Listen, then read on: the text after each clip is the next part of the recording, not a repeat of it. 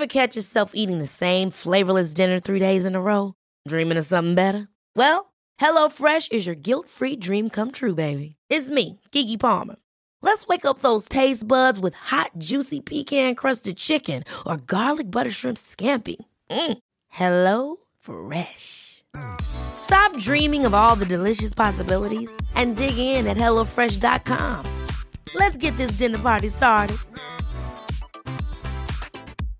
Imagine the softest sheets you've ever felt. Now imagine them getting even softer over time. That's what you'll feel with Bowl and Branch's organic cotton sheets. In a recent customer survey, 96% replied that Bowl and Branch sheets get softer with every wash. Start getting your best night's sleep in these sheets that get softer and softer for years to come. Try their sheets with a 30-night guarantee. Plus, get 15% off your first order at bowlandbranch.com. Code BUTTERY. Exclusions apply. See site for details.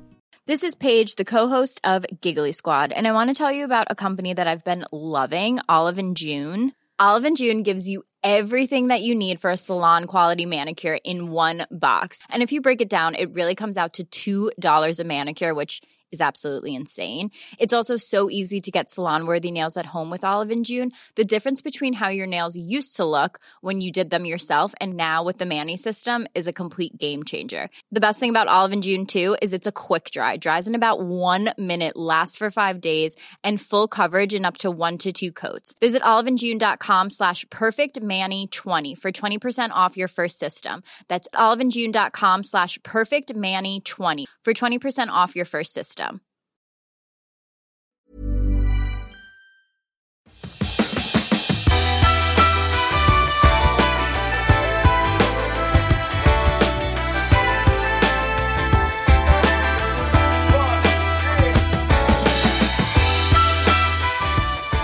Hej och välkommen till Klimakteriepodden och avsnitt 5033 med mig, Åsa Melin. Nej, eh, fel. 138 ska det vara.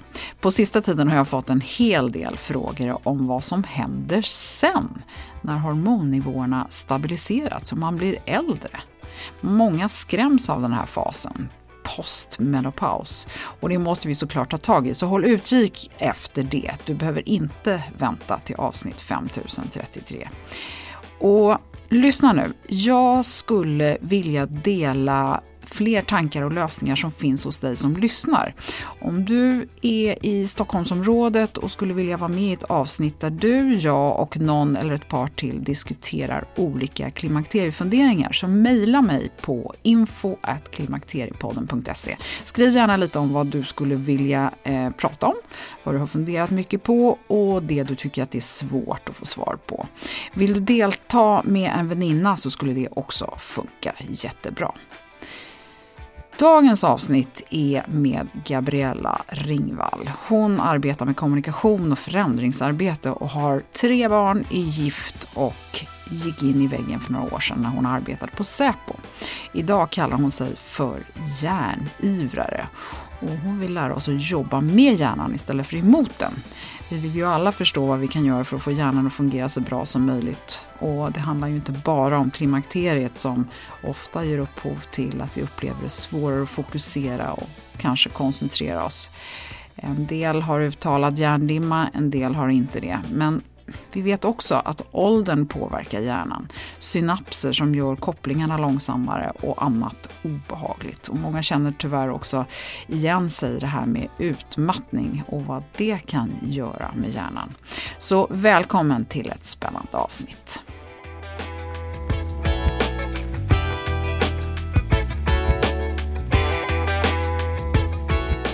Jag har en hemlig agent med mig. Nej, jag skojar bara. Gabriella Ringvall, hjärtligt välkommen till Klimakteriepodden. Tack. Du, eh, det är spännande att sitta här. 48 år och i förklimakteriet som du själv poängterade för mig. Inte något som jag säger eller kastar i ansiktet på dig. Men framför allt så är du här i egenskap av en spännande hur kan man säga, att du, du jobbar mycket med någonting som kallas för gestaltgrund. Men framförallt så är det din ditt företag And the Brain som jag har fastnat för. För jag var på ett webbinar för ett tag sedan som Papili hade som jobbar mycket med stress och eh, stresshantering och där kliver du in. Och om jag då tänker på dig som kommunikation och förändringsarbetsledningskonsult eh, så är du också en järnivrare. Och, men du kan väl berätta själv lite mer om dig? Absolut. Eh, ja, men just det. Nej, men det har jag ju förstått att jag är i för klimakteriet. Någonting har ju, eller håller på att hända. Nej, men jag eh, jobbar ju som sagt med hjärnan som någon slags passion. Den är ju, jag är så fascinerad av den och försöker faktiskt att blanda in eh, hjärnan och hjärnans eh, funktioner och behov i nästan allt jobb jag gör.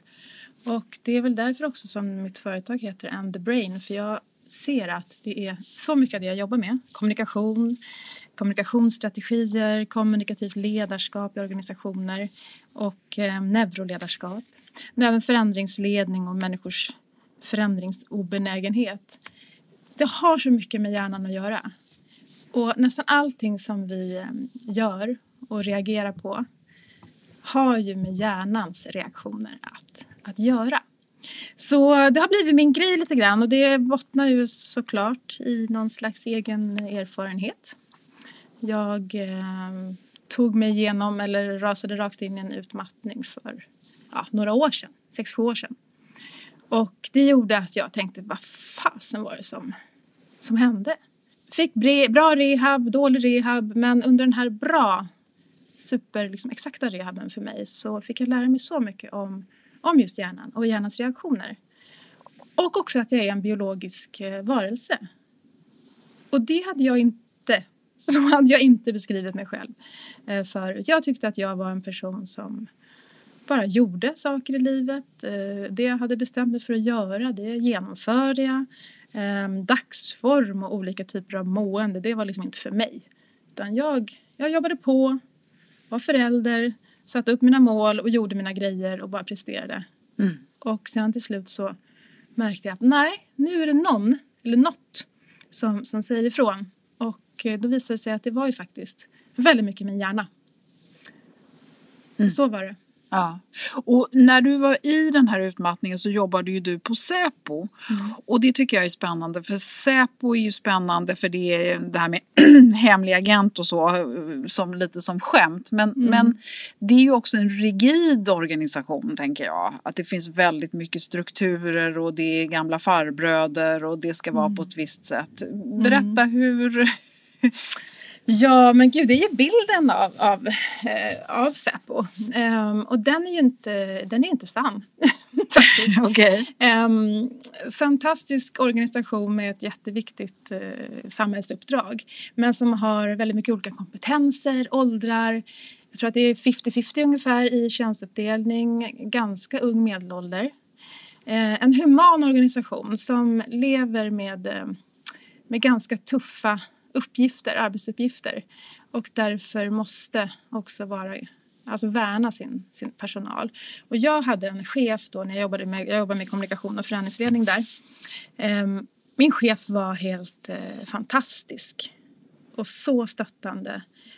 Och det här brukar vi faktiskt prata om för att um, både han och jag är så här, men varför såg inte någon på mig att jag var helt stissig och uh, jätte på väg verkligen nerför sluttande plan. Och sen kan man ju naturligtvis, jag såg ju naturligtvis att det hade varit bra om man hade kunnat prata om det här på ett annat sätt och upp, snappat upp sådana som mig och andra duktiga flickor och pojkar där lite tidigare. Mm. Och det mm. var väl också det som jag kände att jag kunde komma tillbaka när jag var frisk och börja ta mig tillbaka. Att jag faktiskt ville så här, men hur, hur är det möjligt att en organisation en statlig myndighet inte snappar upp och ser och har ett sätt att ta hand om de som är på väg att bli lite väl snabba i svängarna och utmattade då som jag blev. Mm. Och om man då tänker på oss kvinnor som eh, är, lyssnar på, på dig nu och vi vill försöka förstå vad hjärnan ska fungera till och, och framförallt så bra som möjligt. För det handlar ju bara, det handlar inte bara om klimakteriet naturligtvis men det gör att under klimakterieåren så händer en massa saker som gör att dels att vi kanske upplever att det är svårare att fokusera och koncentrera oss.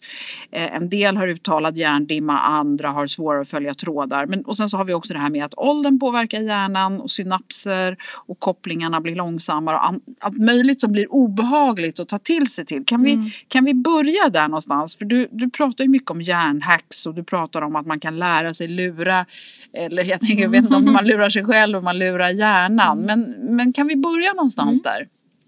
Ja, men för det första så när jag säger brain hacks eller hjärnhacks eller, eller så, så menar jag egentligen att eh, ta till tips och knep och kunskap och olika sätt för att helt enkelt jobba med hjärnan istället. Eh, och det är inte att lura hjärnan och, eller sig själv utan snarare att med hjälp av den kunskap man har om den faktiskt kunna ta till den kunskapen vid rätt tidpunkt. Och att eh, vara lite smart helt enkelt. Och jag har ju jag har en föreläsning, det var den du var på och lyssnade, som heter Hjärnsmarta arbetssätt. Och den är ju riktad just till hur kan man faktiskt jobba med sin, med sin väldigt eh, starka men ändå sårbara hjärna på ett effektivt sätt. Eh, kanske under en, en dag på, på kontoret till exempel som är lite grann av min vardag. Då. Och, och, och jobba med den, jobba i medvind och, och vara lite street smart kring mm. hjärnan helt enkelt. Mm. Och, och varför är det då bra att förstå hur hjärnan fungerar? Ja, det är ju, för mig är det ju, jag skulle nästan säga grunden till, det är grunden till allt som vi är. Hjärnan och hjärtat. Och eftersom vi lever i det samhälle som vi gör 2020, inte bara i Sverige och inte bara i storstan utan hela världen med en otrolig intensiv, stimuli-smockad eh, eh, värld och samhälle där vi hela tiden har information overload och ett stadigt brus så har det också blivit att det är hjärnan som, som, som, som blir lite ledsen av det här, som tar skada av det här. Det är det vi blir sjukskrivna av idag. Um, att då inte förstå de här mekanismerna som, som vi alla har. Funktionerna i hjärnan, eh, väldigt, väldigt basala funktioner. Eh, och, och, behoven. Och också hur vi då kan möta den här nya världen som vi faktiskt bara har levt i kanske i två decennier. Hur kan vi möta det? Jo, men det är genom kunskap. Och, och för mig var det sån revolutionerande insikt i att precis som jag kan förstå Ja, men jag ska ge ett exempel. Vi, vi, tycker, vi svenskar är ganska early adopters när det handlar om träning och vi vet exakt vad vi ska träna. Vi kan, kan våra musklers namn och vi kan um, vetemjöl. Uh, vetemjöls, liksom, uh, hotet från vetemjölet. Uh, vitt socker och kolhydratrik kost. Alltså, vi är så duktiga på att ta till oss det här. Mm. Och vi köper böcker, vi utbildar oss. Men när jag är ute och pratar så märker jag att det här med hjärnan som vi faktiskt har och går omkring med hela tiden. Det är väldigt liten, ganska låg kunskap och det gäller faktiskt både individer, privat och organisation och även liksom chefer, HR-avdelningar. Man kan inte så mycket om den. Och det tycker jag är, är, är synd för att jag tror att det är genom att förstå den som vi också kan förstå oss själva och kunna leda oss själva. Och vad är det vi behöver förstå hos hjärnan? Ja. Eller med hjärnan, om hjärnan. Ja, nej men eh, jag tycker att det handlar om, eh, egentligen så är det ju signalsubstanser och, och hormoner som reagerar på sätt som vi lever. Um, och genom att förstå det här, och det här är naturligtvis ett jätte, jättestort ämne och tack och lov så forskas det ju jättemycket kring det. Men um, det handlar egentligen om att förstå att uh, om jag Eh, ja, men till exempel en dag. Om jag vill använda min hjärna optimalt på en, på en dag så finns det vissa saker som man kanske ska göra på morgonen eller förmiddagen snarare än på eftermiddagen. Vi måste förstå till exempel vad det är som gör att hjärnan gynnas av en paus, en vila. Vad betyder det för hjärnan att sitta och tomglo, bara vara? Eh, kontra att vara i full liksom, process och sitta och jobba aktivt med, med, eh, med någonting. Vad, eh, varför är det bra att eh, gå, träna, cykla, springa? Man säger att det är bra och vi har ju hela, hela kunskapen här nu med hjärnstark som, som Anders Hansen så, så bra har, har lyft fram till oss som en folkbildning nästan. Men eh, varför är det bra? Vad är det som händer? Ja, berätta. Ja, men det som händer då till exempel om man tar det. Det är ju att, ehm, ja det är faktiskt himla coolt. Om du, om du till exempel får upp pulsen, kanske 75-80 någonting så procent av din kapacitet. Och så är du ute och så kör en pulshöjande aktivitet i 30 minuter. Då har du alltså efter de där 30 minuterna så har du ungefär 25 procent mer blod i huvudet. Blodet är det som måste komma in i hjärnan, faktiskt mycket oftare än muskler dessutom. För att det är blodet som för med sig alla de här, mm, all den här maten för hjärnan. Så näringen, energin som är lätt att bara säga, vad är då, vad är energi för något? Jo men energi är ju hjärnans mat. Och det är framförallt glukos, alltså en slags kolhydrat. Um, en, en nedbruten kolhydrat i form av glukos, som är ett slags socker. Det är fett. Det är syre. Och vad för blodet med sig när man springer och så? Jo, syre, jättemycket syre. Och det är proteiner. Och alla de här sakerna går till olika delar. Protein till exempel går till, till, ehm, till cellmembraner, cell eh, runt omkring. Ehm, och det finns ju naturligtvis olika målinriktade syften med de här. Så det gör träning, att det friskar upp dig och du har alltså ett par timmar efter, ehm, under två, tre timmar efter en sån, sån ansträngning så har du bättre minne. Du är mer kreativ. Um, och du, ja, du har lättare för att koncentrera dig. Det är därför man har gjort såna här eh, tester på skolor och sådär. Att man har kanske en halvtimme eller 20 minuters fysisk rast kan man säga innan skolan ens börjar. Det ger bättre förutsättningar för barnen att, eh, att lära sig och det gäller ju såklart hela livet. Mm. Hjärnan, eh, som jag sa då, att man, man eh, använder ju, när man anstränger sig sen, när man då sitter och koncentrerar sig eller, sitter, eller läser eller ja, egentligen fokuserar och, och riktar sin uppmärksamhet på någonting så går det ju energi också. Och den energin tar slut efter ett tag. Och då behöver du helt enkelt byta arbetsuppgift eller det du gör från att vara i ett påläge där framförallt de här kognitiva och cortex, prefrontala cortex och sådär är i, i, ansträngning. Den orkar inte vara i ansträngning hela tiden utan den behöver sin, sin paus. Och också för att just tillgodogöra sig på nytt då de här nya de här näringsämnena och maten så att säga. Så avbrott i form av, inte bara träning såklart, det vore ju lite väl extremt om vi behövde gå ut och träna hela tiden. Men, ehm, men att vila, att bara låta tankarna vandra fritt. För då är det andra system i hjärnan som sätter igång. Och det är så vi, vi är gjorda för ömsom vila, ömsom ansträngning, alltså både fysisk ansträngning, koncentrationsansträngning och vila. Men, men de flesta av oss när vi anser att vi tar en paus, då går vi kanske och tar en kaffe och sen börjar vi scrolla i mobilen. Ja, det är hemskt. Och eh, jag pratar jättemycket om det här och den här digitala stressen och hur vi måste liksom lära oss navigera i det där. Jag är inte på något sätt teknikfientlig. Jag tycker mobiltelefoner är fantastiska fantastiskt såklart.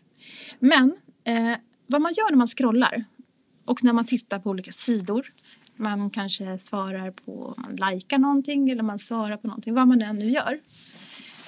Så fattar hjärnan beslut. Den fattar beslut i, och, och väljer hela tiden. Åh, här står det en fördjupande. Här, det här kan du läsa mer om. Här står det, så är det en länk till någonting annat. Bara det beslutet att aktivt säga nej, jag ska inte gå vidare med den länken, jag ska fortsätta läsa den här texten. Eller jag ehm, ska faktiskt gå in på den där länken och läsa vidare om just där. Bara det är ju faktiskt ett beslut. Och så fort du, du väljer att svara på någonting så innebär det ett kognitivt arbete. Du formulerar dig, du tänker. Och det här är, är oavsett om det är liksom, eh, ganska banala saker du håller på med som du tycker så är det hela tiden beslut. Och det är, det är stimuli för hjärnan och både syn, synintryck, texter, bilder att ta till sig. Och det här är ansträngande. Så en paus är bryta eh, jobb, hjärnans aktivitet. Och då föreslår jag ofta att eh, blunda. När man blundar så stänger man av ungefär, ja, jag vet inte exakt, men säg sådär 85-95 procent av, av hjärnans alla stimuli. Och då säger många så här, men herregud jag kan inte sitta och blunda på jobbet. Nej, fast det kanske du kan. Det kanske bara handlar om att lära oss här på arbetsplatsen att nu sitter Lisa och blundar. Shit vad hon är hjärnsmart. hon vet verkligen hur man tar hand om sig och är effektiv för, för eftermiddagens arbete också. Och hur länge måste man ta en paus då för att hjärnan ska få chansen att starta om? Det beror ju lite på kanske vad man har gjort och vilken tid på dagen det är eller sådär. Men det kan ju räcka jättelångt med bara två, tre minuter. Ja. Och ehm, såklart kanske också försöka röra på sig samtidigt.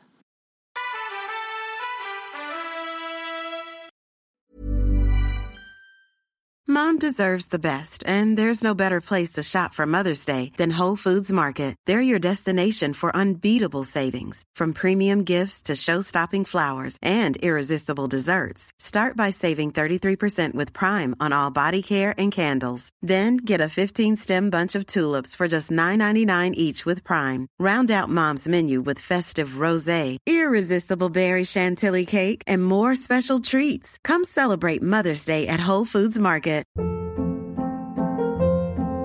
Hold up. What was that? Boring. No flavor. That was as bad as those leftovers you ate all week. Kiki Palmer here, and it's time to say hello to something fresh and guilt-free. Hello Fresh. Jazz up dinner with pecan-crusted chicken or garlic butter shrimp scampi. Now that's music to my mouth. Hello Fresh. Let's get this dinner party started. Discover all the delicious possibilities at hellofresh.com.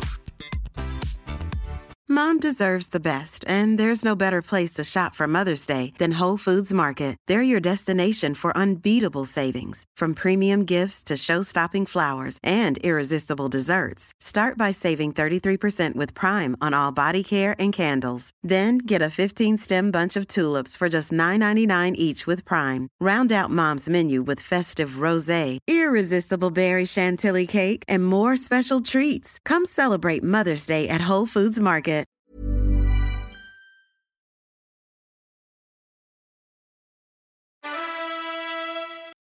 Det här med att bara stirra ut i luften då, tomglo. Ja, men det är ju egentligen att, att släppa allting och eh, bara sitta och stirra på någonting som inte egentligen du behöver processa. Kanske Men det är bara- inte så lätt att framkalla. Jag tänker så här, ibland när man kör för en, en sträcka som man kör ofta, då, då kan man plötsligt säga, men shit, hur kom jag hit? Ja. Eh, Det, är det det tillståndet? Nej, jag, jag, det skulle jag inte säga. Jag skulle säga att tomglo är mycket mer att kanske verkligen aktivt sitta och kanske till och med nästan fastna vid blicken. Som man nästan inte gör längre. Alltså på riktigt. Ja. Åsa, när fastnade du vid blicken senast? Ja, det vet jag inte, Nej. men barn gör ju ofta det. Ja, och jag gjorde det oftare när jag, alltså förut. Men Ja. nu fyller man ju hela tiden tillvaron och liksom ansiktet framför sig med. Ja, och sen så, sen så frågade man då den som man var i närheten av, vad tänker du på? Ja. Åh, jag vet inte. Nej. Eller ingenting. Exakt. Eh, det är underbart tillstånd. Nej men det här andra, bra att du tar upp det för det är ju jätteintressant. Det här är egentligen en, en, en det kan illustrera de här olika systemen eller liksom tillstånden som, som vi har i hjärnan. Lite förenklat så kan man säga att jag har två system. Det ena är i ett aktivt eh, tillstånd som heter Task Positive Network. Och eh, det är när du utför någonting, du är i aktivt kognitivt läge, du använder verkligen liksom de tänkande, analyserande avancerade hjärnan av delen, eh, delarna av hjärnan. Och ehm, du utför någonting. Det andra läget, det heter default mode system. Och ordet default betyder ju utgångsläge. Alltså grundläget, där vi börjar, där vi startar och där vi också ska gå tillbaka till. Och default mode system är ett mera, det här är ju kraftigt förenklat såklart, det här är ju liksom, men ändå. Det är ett läge där du egentligen mera, alltså du är vaken. Du, sitter ju inte och, du sover inte utan du är uppmärksam men avslappnat uppmärksam kanske man skulle kunna beskriva det som. Um, du tankevandrar. Det vill säga du har raffinerade tankar men du utför inte en uppgift som är helt styrd. Och när du kör, och det här det är ju så läskigt det där som du beskriver, man sitter på en, på en väg, kanske framförallt motorväg ju, som inte kräver så mycket. Utan, och du har liksom allting i ryggmärgen, du kan köra bil, du skulle antagligen stanna om det kom en, ett vildsvin eller en älg eller någonting.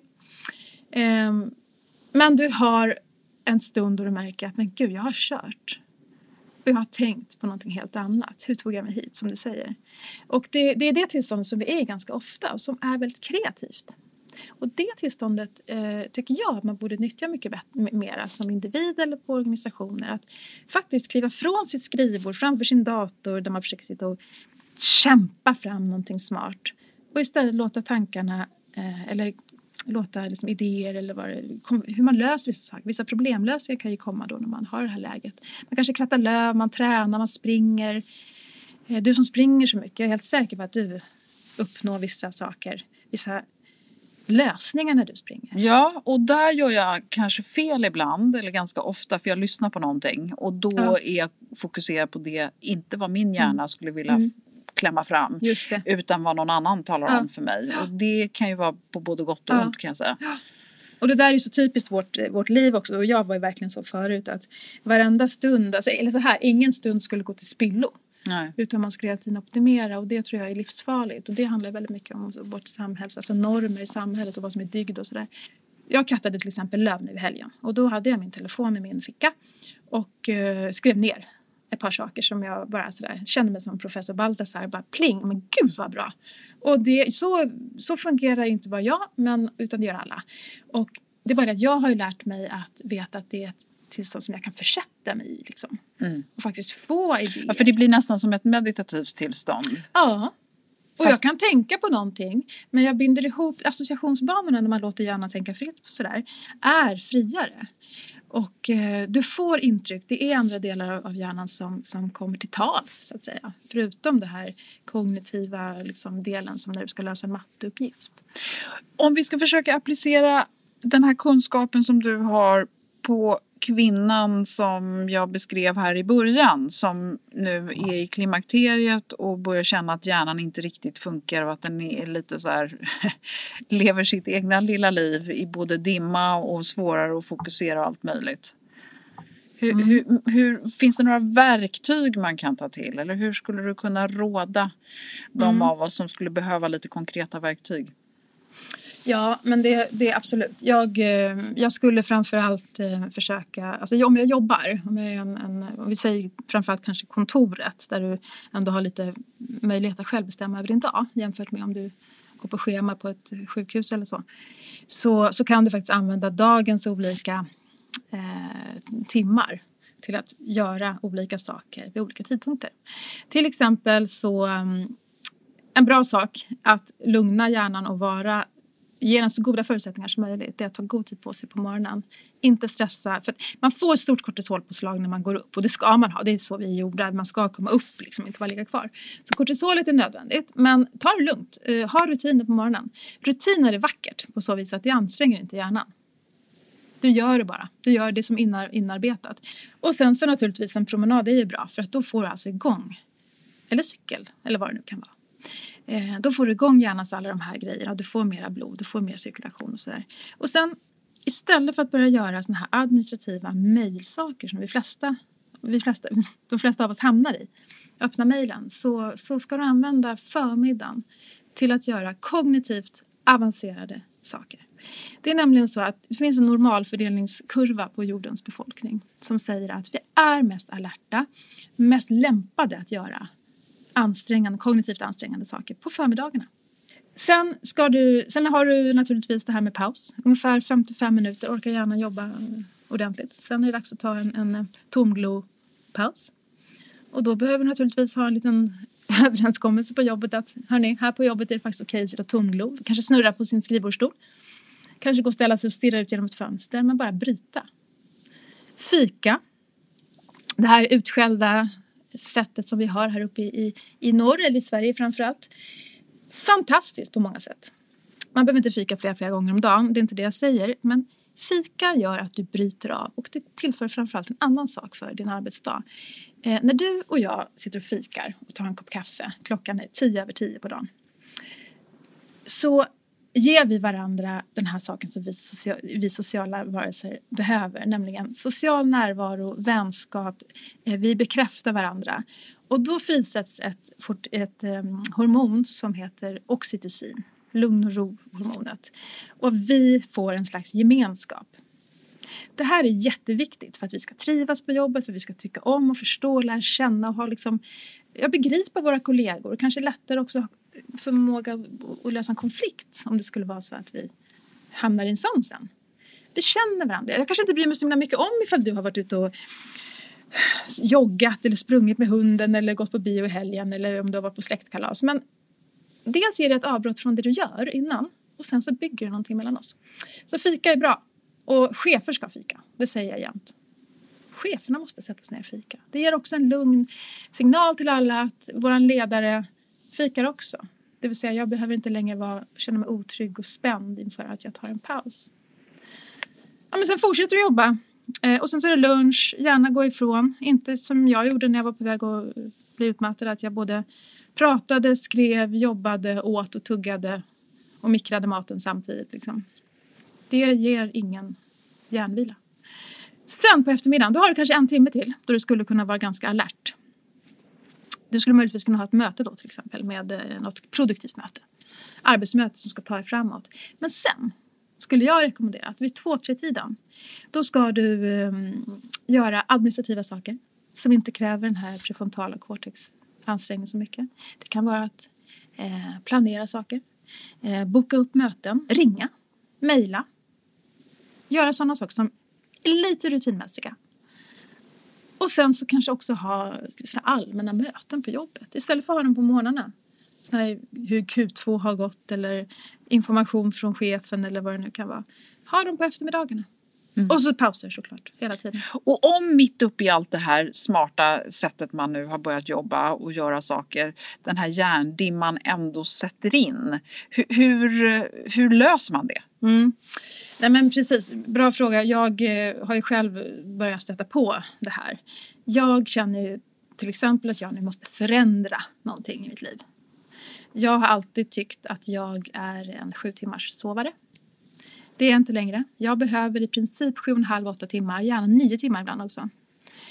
Eh, känns som att man regraderar till en bebis, men okej, okay, fine. Jag får väl göra det då, då. Och lite grann kan jag nog tro att vi kvinnor som är i den här åldern som börjar komma in i förklimakteriet och sådär, vi, vi lever fortfarande så otroligt effektiva, optimerade liv. Hypereffektiva. Klämmer in saker. Men jag tror att här måste man, om man liksom verkligen går åt det hållet, tänka att vi måste följa biologin för att om vi vill fortsätta hålla på så på alla arenor och liksom excel överallt, då, då får vi också faktiskt anpassa några saker. Sen om det är kost, om det är mer träning eller annorlunda träning. Jag till exempel känner att jag behöver mera typ yoga, eh, lugnare saker. Jag blir helt illamående när jag kör styrketräning fast jag ändå försöker, jag vet att jag behöver det. Jag kan också eh, råda folk att, att eh, uppmuntra sin, sin allt mer kanske introverta sida. Det sägs ju, jag vet inte om det är helt, men det sägs att vi blir mer och mer introverta ju, ju, längre, ju äldre vi blir. Och på sätt och vis kan jag se någonting logiskt i det för att man, man liksom vänder sig kanske lite grann till andra delar för att få, eller andra saker i livet för att få energi. Och man är inte heller rädd för att, vara, för att vara ensam eller gå ensam i skogen eller gå bio ensam eller eh, sitta och äta på restaurang ensam med en bok. Alltså det är underbart. Men vi, det finns så mycket i vårt liv som säger att vi inte ska vara där. Utan det idealet är att vara social, att vara, ha häcken full med jobb och liksom ha intensiva veckor och sen bara ökar vi på helgen. Vi orkar inte det. Och det vet jag nu för tiden. Trodde jag inte förut. Att vi har olika dagsform. Så är det bara. Vissa dagar är man ju liksom pigg och alert och skärpt och vissa dagar så är det inte så.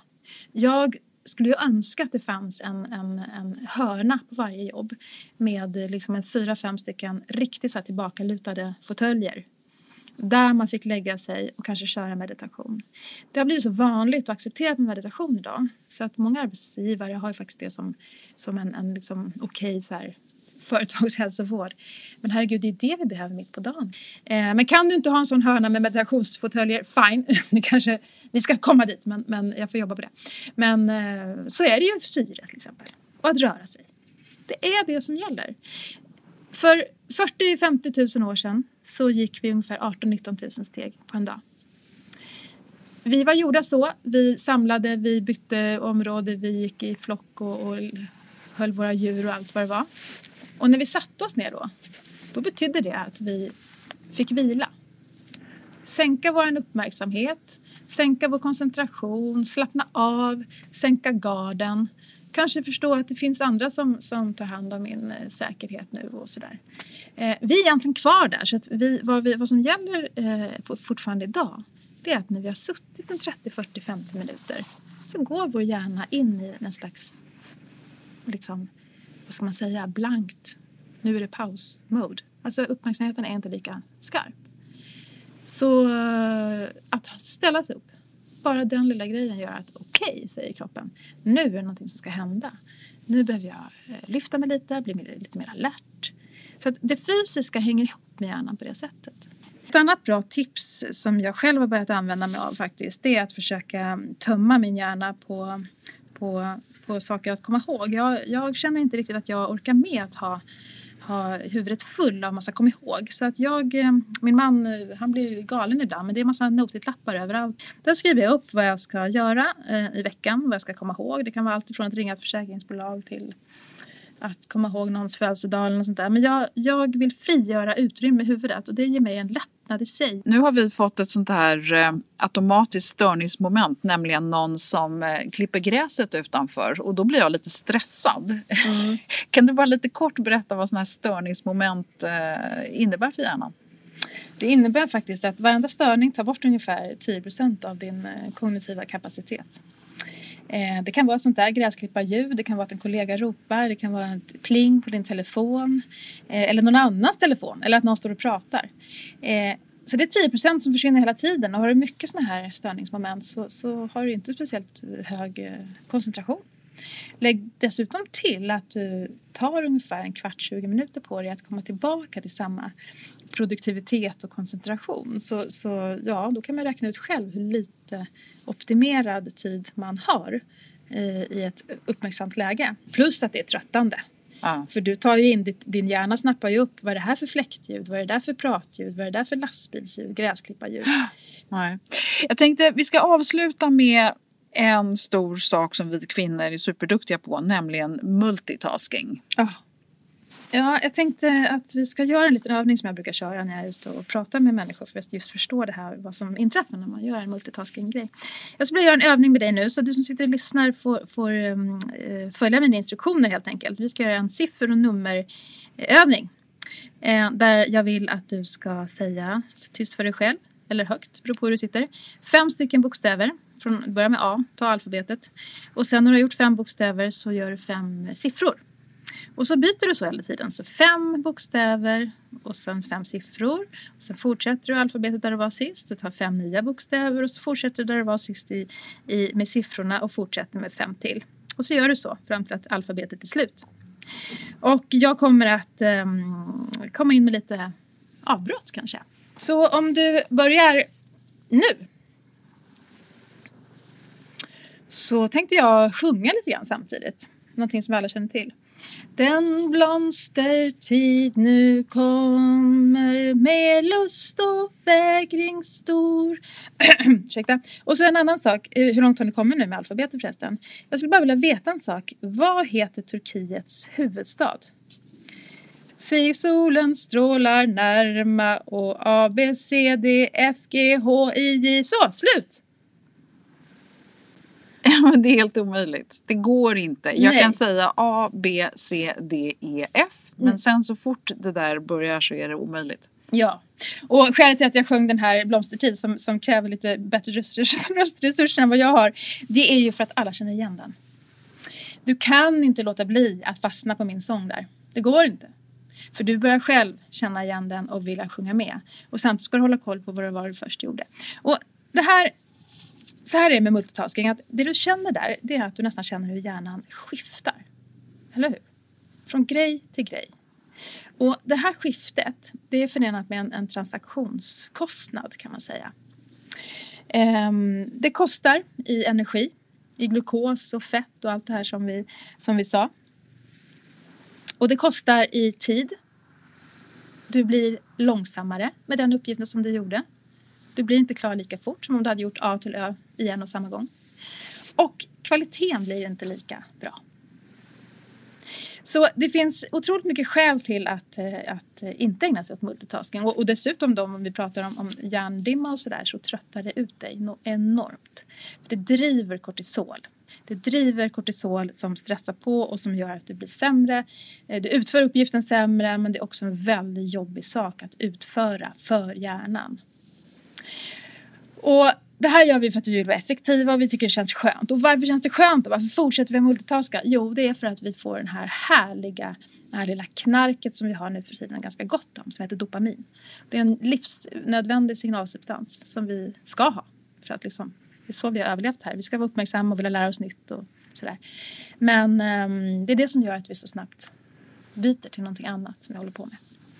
Och det är dopamin som står bakom att vi tittar på vår telefon hela tiden, att vi eh, fortsätter att spela. Eh, ja, knark och, och, alkohol och sex har ju samma slags... Eh, så den, att, att liksom behärska sitt dopamin och faktiskt planera sin dag eller sin, vad man nu ska göra, det är jätteviktigt för att hålla sin hjärna lite mer avslappnad och hjälpa den lite på traven. Mm det låter som att vi behöver jobba lite med de här verktygen som på ett sätt kanske känns ganska självklara men som vi har sjabblat bort i vår eh, ambition av att vara duktiga, att vara kvinnor och flickor i största allmänhet. Alltså, ge er en vecka, kör en testvecka, kör en pilot. Säg till er familj eller på jobbet eller vad som helst att nu ska jag börja testa lite brain hacks här. Och så ska du försöka lägga märke till vad det faktiskt innebär. Och jag menar på att det är ganska små korrigeringar. Att ta pauser, att faktiskt gå ut och bara kanske bara vara utomhus. Att inte hela tiden lyssna på någonting, att faktiskt lämna telefonen hemma. Att eh, kanske bara sitta och stirra på jobbet i fem minuter. Att föreslå en ny typ av eh, lunchpromenad med din eh, kollega. Alltså det går ganska lätt att med de, bara du lägger märke till de här sakerna, att faktiskt eh, att bli lite, lite eh, mer varsam med din hjärna. Och sen är det ju hela den här biten med stress, utmattning och prestation och alltså kunna säga nej och allt det här. Såklart, det är en ganska stor resa.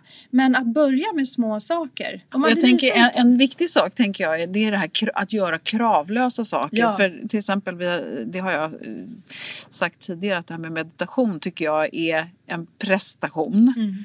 Så att jag, för mig så är det mm. jättesvårt. Jag vet mm. många som har blivit duktiga på att meditera som får väldigt mm. mycket ut av det. Men för mig är det kanske inte något som jag ska försöka Nej. Det här med att sitta på en sten och stirra på ett träd mm. tror jag passar mig bättre. Mm. Jag har också det som en favoritsysselsättning, sitta på en stubbe eh, och bara stirra. Mm. Det är ju faktiskt väldigt fantastiskt. Mm. Bra! Tack Gabriella! Tack. Vad roligt att du ville vara med i Klimakteriepodden idag. Jag är jätteglad för det. Spännande avsnitt. Tack så mycket!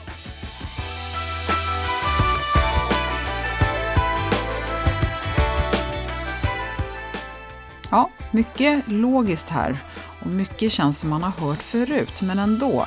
Varför har jag så svårt att begripa att jag måste applicera det här i mitt eget liv och vardag för att helt enkelt må bättre? Men också faktiskt vara mer effektiv, eller som Gabriella gillar att kalla det för, hjärnsmart. Är jag helt enkelt inte smart nog? Hmm. Ja, jag får bolla det med min lilla hjärna och se om den har kapacitet nog att applicera de här kloka råden. På Instagram hittar du Gabriella under hjärnsmart och på Facebook och klimakteriepodden.se, alltså Klimakteriepoddens Facebook-sida, så finns det länkar till hennes hemsida där du kan läsa mer om hennes arbete och vad hon gör. Vi har talat en hel del om stress tidigare och vad det gör med hjärnan, så gå gärna tillbaka och lyssna på psykolog Anders Tengström som är så bra i avsnitt 37 och 88. Jag tycker också att det är väldigt spännande med det här att blunda för att pausa och ge återhämtning. Och I nästa avsnitt så ska vi få höra Ellen Engvall som myntat uttrycket hormony yoga Alltså hormoner och harmoni och yoga, allt i ett. Hon ska berätta om hur du kan hjälpa kroppen till en bättre hormonbalans med rätt rörelse. Missa inte det. Jag blir extra glad om du rekommenderar podden såklart. Delar avsnitt med någon och jag hoppas att inte bara jag blir glad utan kanske även den som får chansen att lära sig något. Så tack för att du har lyssnat och välkommen snart igen. Hej då!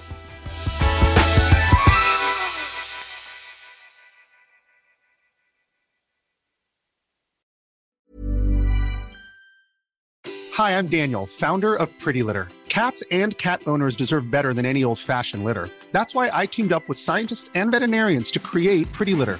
Its innovative crystal formula has superior odor control and weighs up to 80% less than clay litter.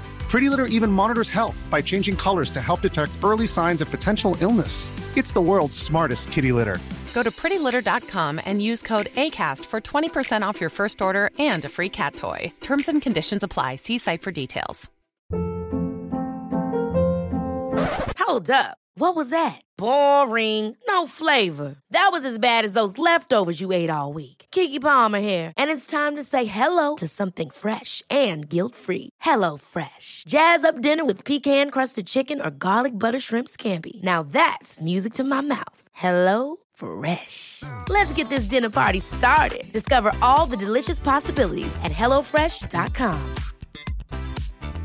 Hi, I'm Daniel, founder of Pretty Litter. Did you know cats tend to hide symptoms of sickness and pain? I learned this the hard way after losing my cat, Gingy. So I created Pretty Litter, a health monitoring litter that helps detect early signs of illness by changing colors, saving you money and potentially your cat's life. Pretty Litter is veterinarian developed, and it's the easiest way to keep tabs on your fur baby's health right at home. Go to prettylitter.com and use code ACAST for 20% off your first order and a free cat toy. Terms and conditions apply. See site for details.